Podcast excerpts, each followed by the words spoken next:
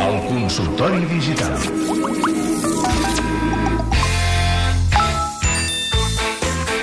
Com sabeu, els dimarts al matí de Catalunya Ràdio és sinònim de consultori digital i, per tant, ens podeu fer arribar qualsevol dubte relacionat amb tecnologia, tendències, xarxes, i ho resoldrem amb l'Albert Murillo, la Mariola Dinarès i Albert Cuesta. Bon dia. Bon, bon dia.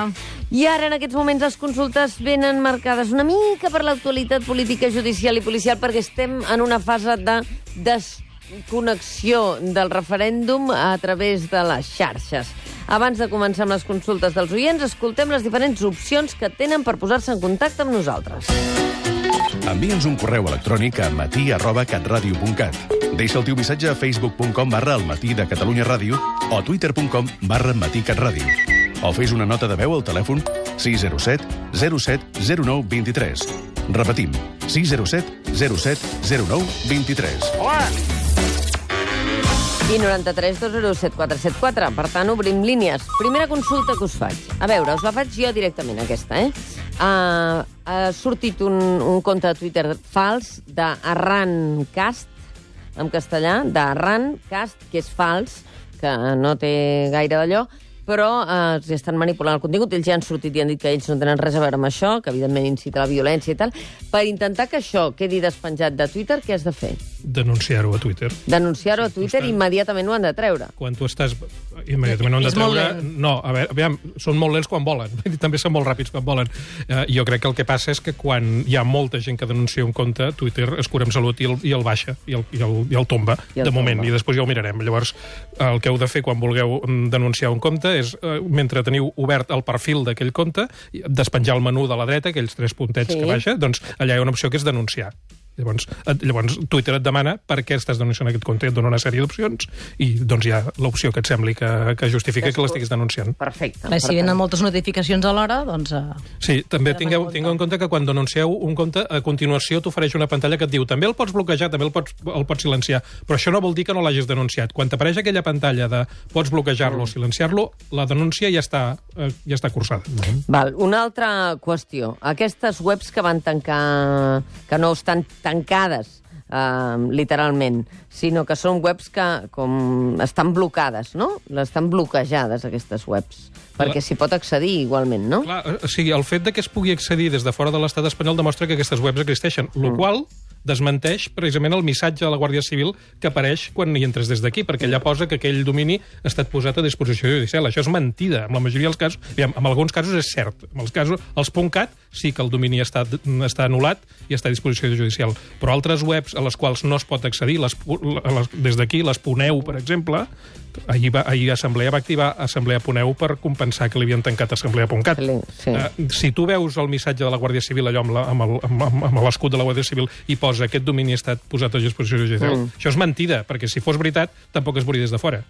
A mi em diuen que aquestes webs que estan blocades es pot eh, accedir o utilitzant Tor o VPN o altres, altres vies, no? Les Sí, hi ha, hi ha mecanismes per eh, enganyar els servidors i, dir, i que es pensin que no, ets, eh, que no estàs que no dins de l'estat espanyol. Doncs, efectivament, com tu dius, es poden fer de servir navegadors que tenen aquesta funció. Mhm. Tor és el, més, és el més potent, també és el més complex de fer servir, perquè, a més de- d'enmascarar el lloc on ets, també evita que et rastregin. Hi ha altres navegadors com Opera, que és més senzill de descarregar, Sí. funciona com un navegador normal i té un botonet que posa VPN. Si tu actives VPN, et diu a quin país vols estar. Doncs diu Holanda, Canadà, Estats Units, i si tu dius eh, ara sóc a Canadà, veuràs que pots continuar navegant per la majoria de les webs que estan blocades. Atenció, primera consulta. Hola, sóc la Maite de Viladecans. Pot ser que aquests dies el govern espanyol restringeixi l'accés a internet? Té algun mecanisme per fer-ho? Albert Cuesta, aquesta és una gran pregunta que es fa a molta gent. Si eh, realment podran eh, utilitzar internet perquè no circulin dades o per restringir que circuli menys informació. Això és un tuit també que va fer Assange, va dir Espanya tallarà internet a Catalunya. Uh, aviam, a, a Catalunya... És difícil de tancar internet a Catalunya uh, i no a la resta de l'Estat, perquè ja la xarxa no està Geolocalitzada. territorialitzada, diguéssim. No? I l'altre dia jo em connectava amb, una, amb, amb, amb la meva operadora habitual de casa i em deia, uh, sembla que Google que em deia que estava connectat des de Madrid. Per què? Perquè el router al qual jo estava accedint no estava uh, a Catalunya, sinó que estava a Madrid. Uh, els mecanismes per bloquejar internet són relativament senzills a escala domèstica, perquè eh, la gran majoria de les llars i dels usuaris particulars i de les pimes fan servir internet mitjançant un, la xarxa d'una de les quatre grans operadores. Vol dir que amb quatre ordres judicials, que les operadores han d'obeir necessàriament, eh, allò es talla.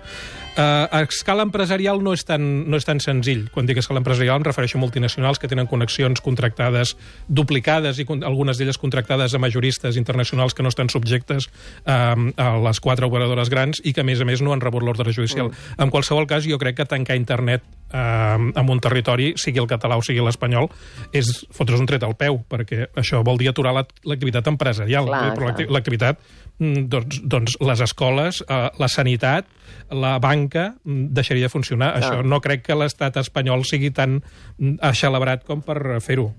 Des que es va tancar la web del referèndum eh, de l'1 d'octubre hi ha hagut rèpliques oficials, humorístiques, perseguides. Ahir dilluns una quinzena de persones van ser citades a declarar per difondre el web del referèndum, sobretot a la comissaria de la Verneda, però també Girona, Tarragona, Calaf.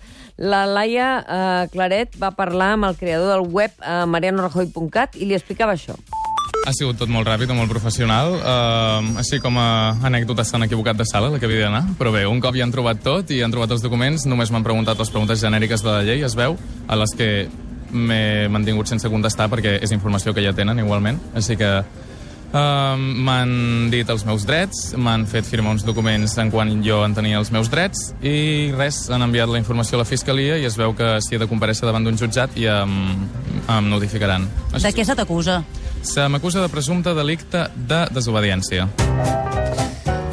Aquests eh, dies han passat casos a la inversa. Hi ha rèpliques falses del web del referèndum amb l'únic objectiu d'enganyar les persones que volen votar. Per exemple, el web garantiespelreferèndum.cat és una web calcada de l'original, però que dona informació falsa sobre els col·legis electorals. D'això com te n'adones?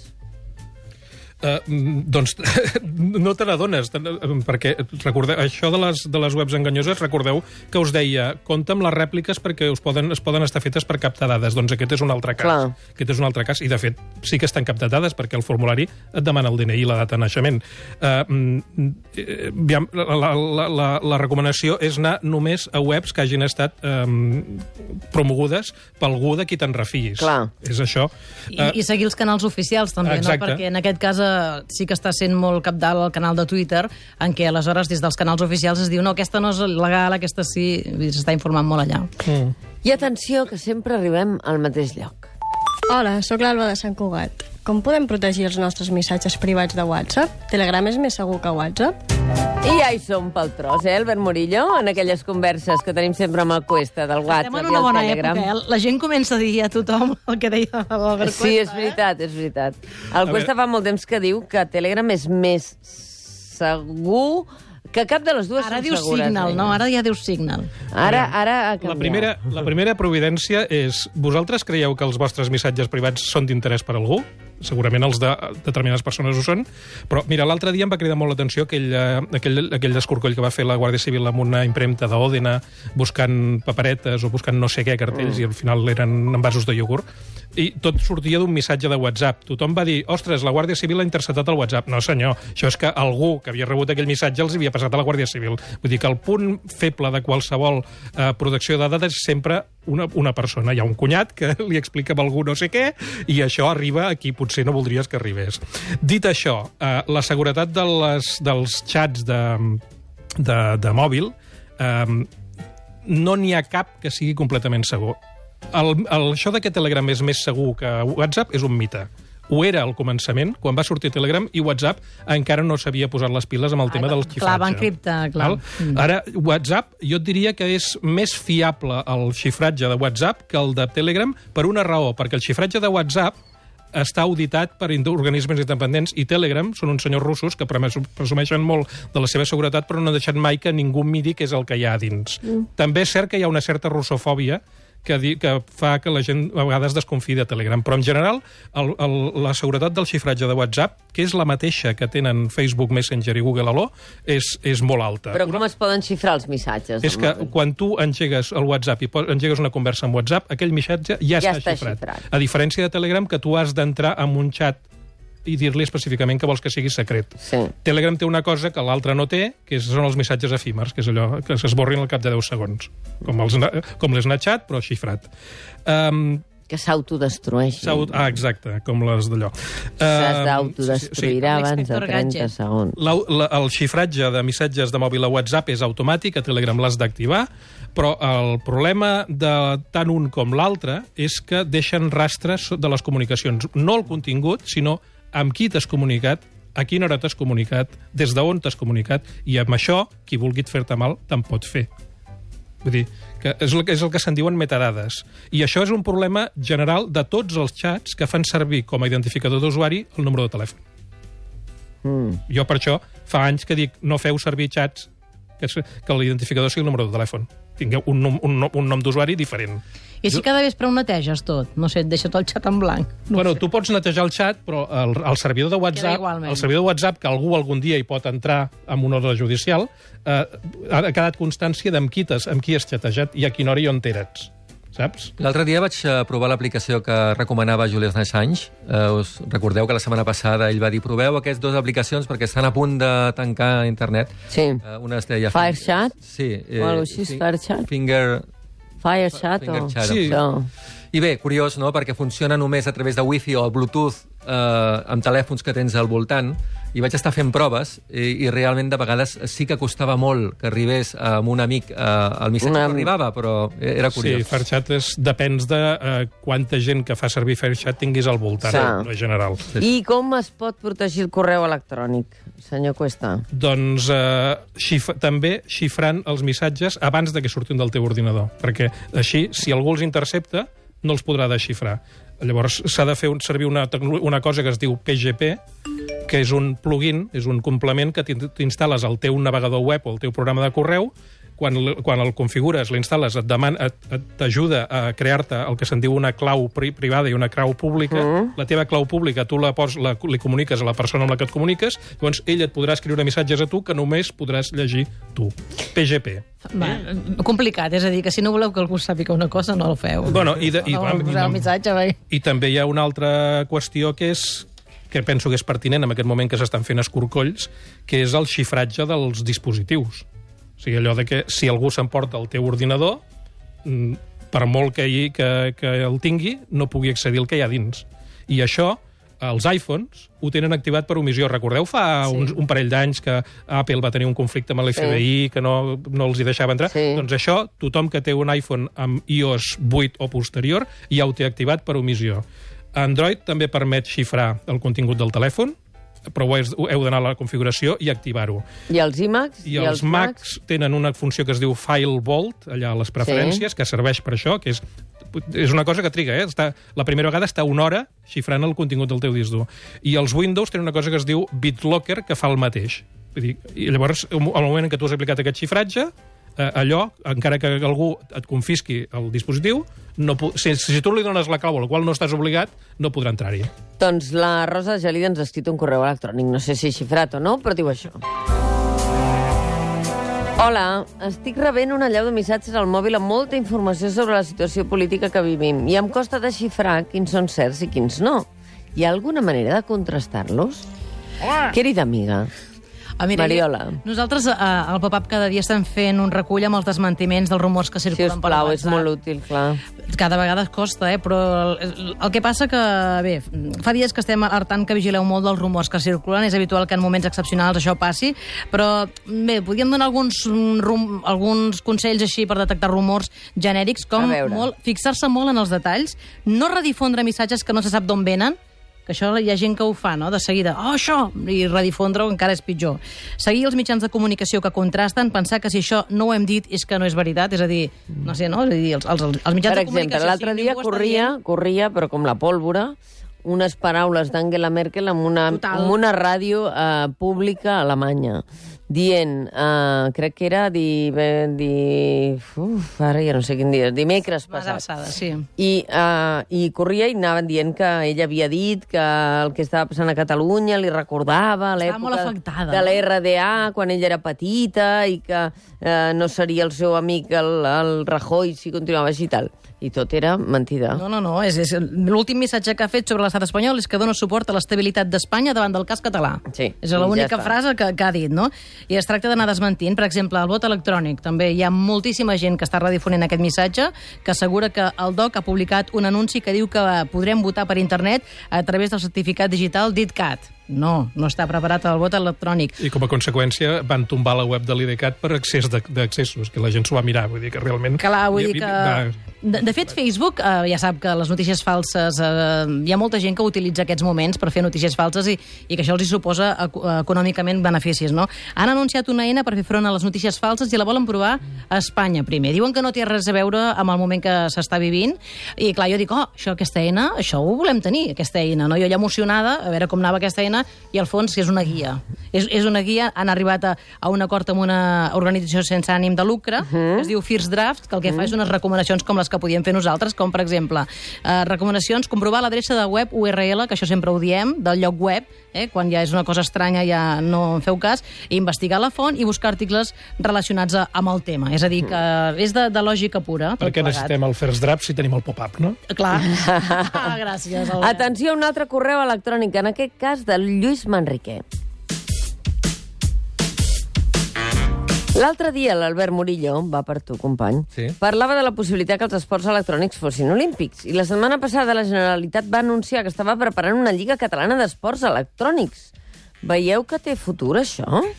Eh, jo crec que sí. Eh, estimar... Lluís. eh, en té Estaria molt bé, eh? De fet, l'audiència a Catalunya dels esports electrònics cada vegada és més alta i és una de les més altes d'Europa. Ara. I, eh, efectivament, Gerard Figueres, que és el secretari general d'Esports de la Generalitat de Catalunya, i eh, també el secretari de Telecomunicacions, Ciberseguretat i Societat Digital, Jordi Puigneró, ho anunciaven fa, fa 10 dies. Eh, ells el que van fer és reunir-se amb una empresa que es diu CB Mila, que està a Esplugues de Llobregat i que resulta que és propietària des de fa dos anys eh, de l'equip professional català eh, més reconegut, que han guanyat molts premis.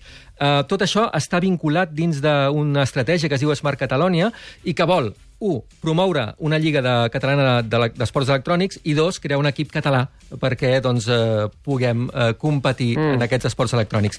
A, a tota aquesta gent, que aquests oients que ens estiguin escoltant, que no sàpiguen de què va tot això, recomano moltíssim que a partir del 5 d'octubre, 5 d'octubre, eh, després de l'1 d'octubre, el 5, Sí. comença la Barcelona Games World i allà eh, podran veure exactament de què estem parlant. Jo recomano molt que, que vagin a, a una competició, que s'asseguin, mirin i escoltin. És eh, tan potent que te n'adones de, de la importància dels esports 5 electrònics. d'octubre, eh? Sí, 5 d'octubre, ho sé. Dijous 5 d'octubre, eh? Aquesta matinada s'ha posat a la venda les primeres còpies del FIFA 18, que es posa a la Sí. venda el divendres, eh, que hi ha molta expectació també. També molta, molta. Home, això que deies de, de la importància dels esports electrònics, jo tinc una dada.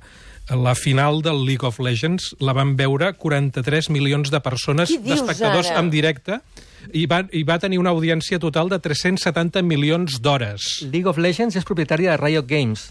Ve a Barcelona i han obert oficina a Barcelona fa dues setmanes. I una altra cosa és que el temps mitjà de- de- de- d'au- d'audiència que s'hi passa la gent veient això són 70 minuts. Imagina't quants programes voldrien dir tenir la gent enganxada durant 70 minuts que no Ai, siguin partits de futbol, Una eh? responsabilitat, Déu meu. Més consultes via correu electrònic. Bon dia, sóc l'Abel, de Madrid. El primer que he de fer és demanar-vos perdó pel meu català, que és perfecte, francament. Eh, moltes gràcies per escoltar-nos, Abel. La meva pregunta és la següent. Fa un any van regalar-me un Kindle Paperwhite. I quan ho van comprar, van triar la versió amb ofertes especials, que vol dir quan no s'està llegint apareix publicitat a l'estalvi de pantalla. Pot ser una ximpleria, eh? però a mi em molesta moltíssim.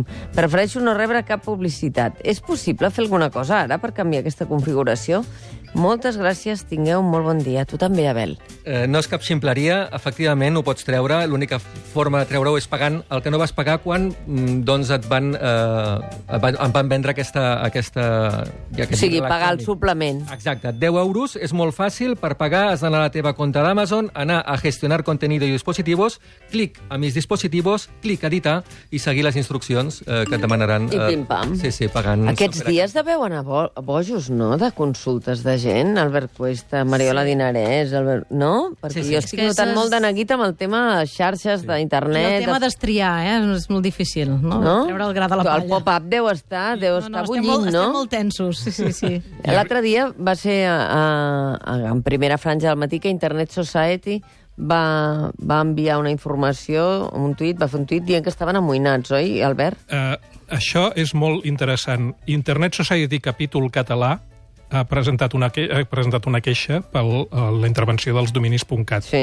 Internet Society Europa eh, ha admès aquesta queixa i, i, ha denu- i l'ha denunciat internacionalment. Mm. Ahir, Internet Society Espanyola, presidida per un català, per cert, l'Andreu Beà, va, es va desmarcar d'això i va exigir a Internet Society Europa que retirés aquesta, aquesta denúncia perquè consideren que tot el que s'està fent s'està fent d'acord amb la llei. Vull dir que tenim un pollastre entre, el, entre, entre els especialistes d'internet catalans i els espanyols en marxa. I també m'has dit avui, quan has arribat, que tres eurodiputats catalans han presentat una, una pregunta Ramon Tremosa, eh, Josep Maria Terricabres i Jordi Soler han registrat una pregunta al Parlament Europeu, una pregunta parlamentària, que és la manera d'interpel·lar la Comissió Europea, per, perquè eh, es, doni, es donin explicacions sobre el bloqueig d'internet que es va produir eh, el, fa el dia 20. No? Sí. sí.